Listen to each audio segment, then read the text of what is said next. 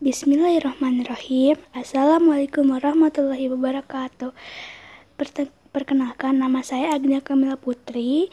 Saya dari kelas 6. Saya ingin mempresentasikan tentang diplomasi dalam mempertahankan kemerdekaan Indonesia.